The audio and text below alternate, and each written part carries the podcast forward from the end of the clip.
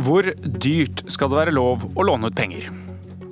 For er det greit å sette folk i en gjeldsfelle så lenge de har bedt om det selv? Vi snakker om finansbransjens nye gullkalv, forbrukslån, med renter på 20 og 30% Lån som er så dyre at bransjen selv nesten ble tatt litt på senga av at folk faktisk ville ha dem. I forrige uke kom Finanstilsynet med rapporten som viser at mengden slike dyre lån bare fortsetter å vokse, og den har gått over 100 milliarder kroner. Og Tirsdag fulgte tilsynet opp med en rapport som viser at disse bankene ofte bryter retningslinjene for forsvarlig utlånspraksis. Hallgeir Kvadsheim, du er kjent fra Luksusfellen, selvfølgelig. Ehm, hva er det som har truffet oss, egentlig? Det er vel en, um, en blanding av uh, mange ting. Det er jo først og fremst at bankene har sett og har lagt fram eh, eh, tilrettelagt veldig godt da, tegn, eh, at vi kan få denne type lån. Og Vi er jo vant med de fleste av oss, at det er ganske strenge kriterier for å få lån i Norge boliglån, kanskje billån etc. Men for forbrukslån så er det jo ikke det. Du kan si at For uh, ti år siden når vi starta Luksusfellen, så var det bare unntaksvis forbrukslån kredittkort i den kreditorlista som vi overtok. Nå er det nesten aldri eh, at uh, det mangler et forbrukslån eller mangler et kredittkort i den lista. Så det er eh, iallfall hos våre deltakere, og det er hos veldig mange i Norge. Det har jo bikka 100 milliarder kroner. Hva er det du har så imot at man kan gi disse lånene, at folk tar dem opp?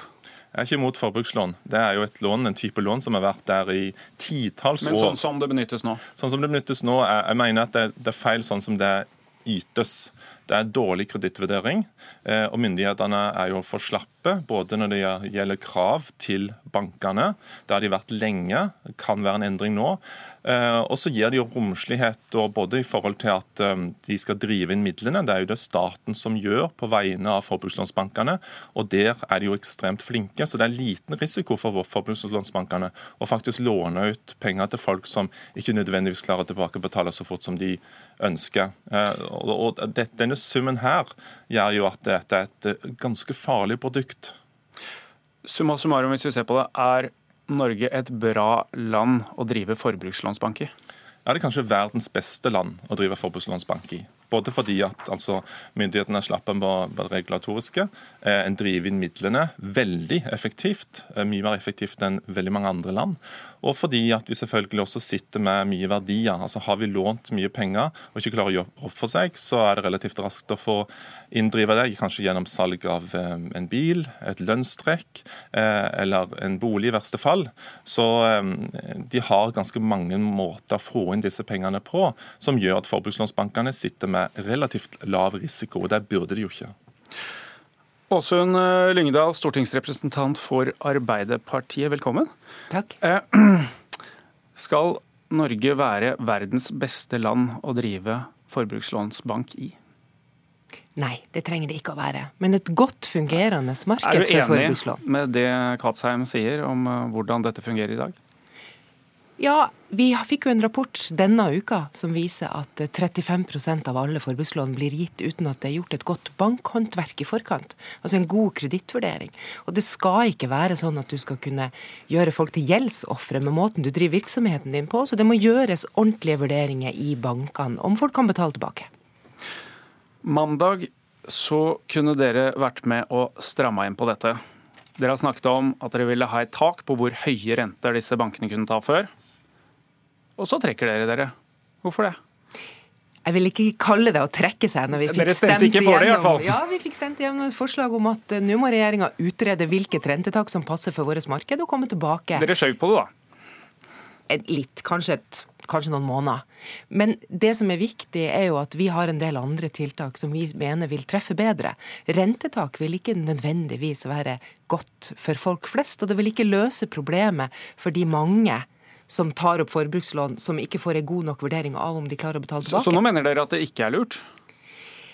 Det kan ikke løse alle problemene ved forbrukslån. Altså Det viktigste med forbrukslån er at folk klarer å betale det tilbake.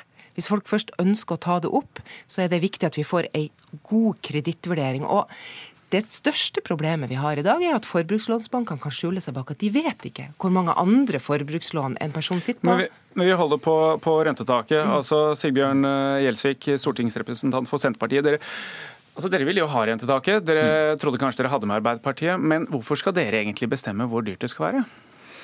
Jo, Det er jo fordi at eh, det her som går på rentetak er tiltak som er gjennomført i mange andre land.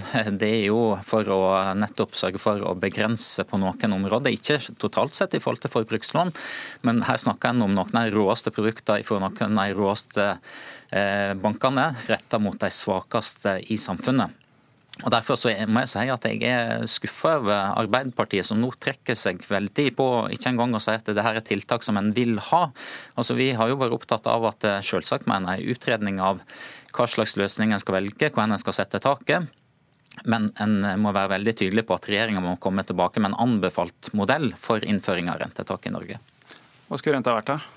Nei, Det er jo en av tingene som en eh, bør se nærmere på. Det er jo ulike tak i ulike land. I Storbritannia har vel i praksis en ca. 30% effektiv rente. I andre land er et annet nivå. Men det er viktig at det ikke blir satt for høyt. og det er viktig at eh, at en får, eh, får røska ut altså Selv om det per i dag heldigvis ikke er, er så mange som er rammet av det i Norge, så er forbrukslån sterkt økende.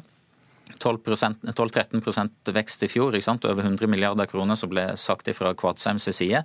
Og mange òg sliter med, med høye renter og dårlige produkt. Derfor er det behov for regulering. Og en ting til som òg er, er, problemet her, det er jo at en fortsatt ikke har fått et uh, offentlig gjeldsregister i Norge. For at, uh, litt, litt, av, jo, litt, litt, av, problemet her er jo nettopp at uh, bankene har jo ikke alltid heller oversikt over situasjonen for enkeltperson. Derfor så må en få på plass et gjeldsregister. Dessverre så trakk jo den regjeringa som nå sitter tilbake den rød-grønne regjeringa sitt forslag om et offentlig gjeldsregister. Nå kommer det kanskje omsider i hvert fall et privat, men det er for usikra gjeld. En burde hatt for all gjeld, og for gjeld til bedrifter. Asheim, eh, leder finanskomiteen. Altså, først bare for å ta rentetak. Mm. Er ikke det fornuftig å sette et tak på hvor dyrt dette skal være? Det er ikke sikkert det er fornuftig. og det er det vi du har frislipp fortsatt? Nei, altså frislipp blir helt merkelig å si. fordi Fra 1.7 i fjor så innførte vi Det er noen vanvittige renter man ser, tross alt. Det er over 30% på flere lån. Det har du helt rett i. Men det er sånn at vi har innført ganske mange nye reguleringer på forbrukslån. Både på markedsføring, på krav til soliditet i bankene, mange sånne ting. Det har virket i under ett år. Det norske markedet på forbrukslån er annerledes enn f.eks. Sverige. For i Sverige, Grunnen til at de innførte rentetak, var at de hadde en voldsom vekst i den type veldig, altså små øh, forbrukslån forbrukslån med veldig kort nedbetalingstid og veldig høy rente. I Norge har vi ikke sett den samme fremveksten. Men som vi sier også i regjeringserklæringen, det må vi følge med på hele tiden. Og vi er åpne for å innføre også det, hvis vi ser at det er noe som vokser. Men hvis du tenker deg om, så er det jo ganske lenge siden du har sett markedsføring f.eks.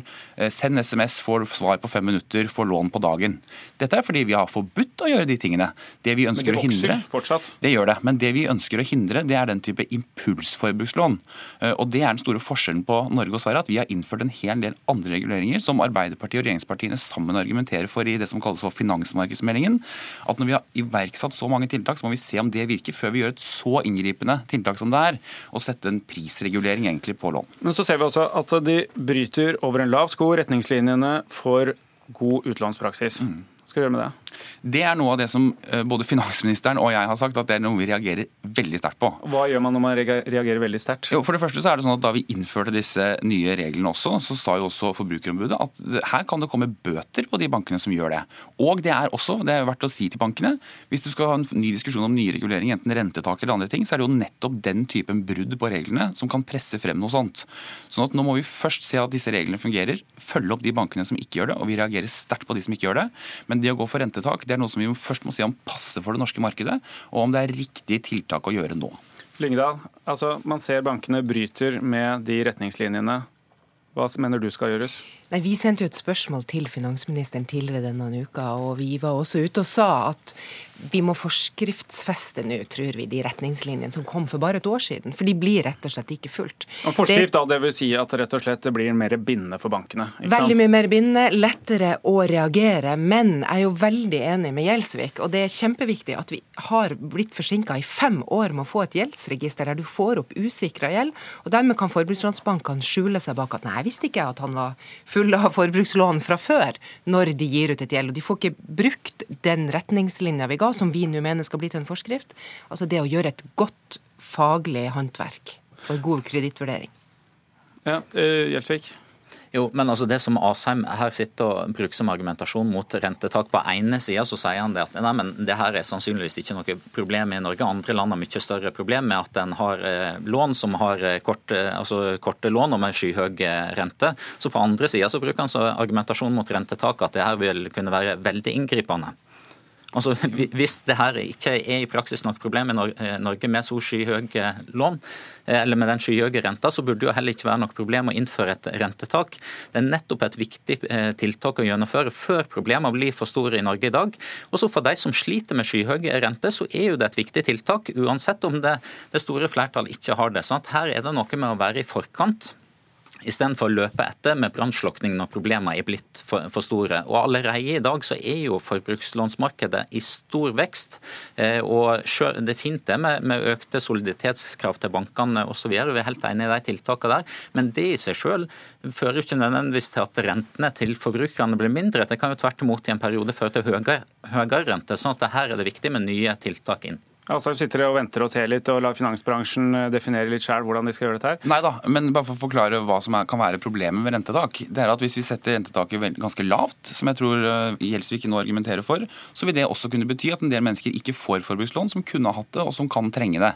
Så forbrukslån i seg selv... Er det noe som er nyttig? Hva da? Ja, Ser du noen nyttige funksjoner av disse dyreste forbrukslånene? Nei, men forbrukslån i seg selv Hva er det som er så dumt med at de ikke får det da? Ja, men hør da, Hvis, som Kvalsik var inne på, Forbrukslån i seg selv kan jo være en måte å finansiere en uventet utgift på for noen som kan bære det lånet. Det er et annet finansielt tilbud enn f.eks. boliglån eller billån. Men så er det jo de, altså det vi prøver å hindre, er jo de menneskene som da får et lån som de ikke de kan håndtere. Og Hvis du setter rentetaket veldig høyt, så vil jo det da ikke løse det som er problemet i Norge. For i Norge så har du ikke så mange av de korte lånene med veldig høy rente. Hvis vi ser at det vokser frem, så vil rentetak med høyt, altså et høyt rentetak spille en viktigere rolle.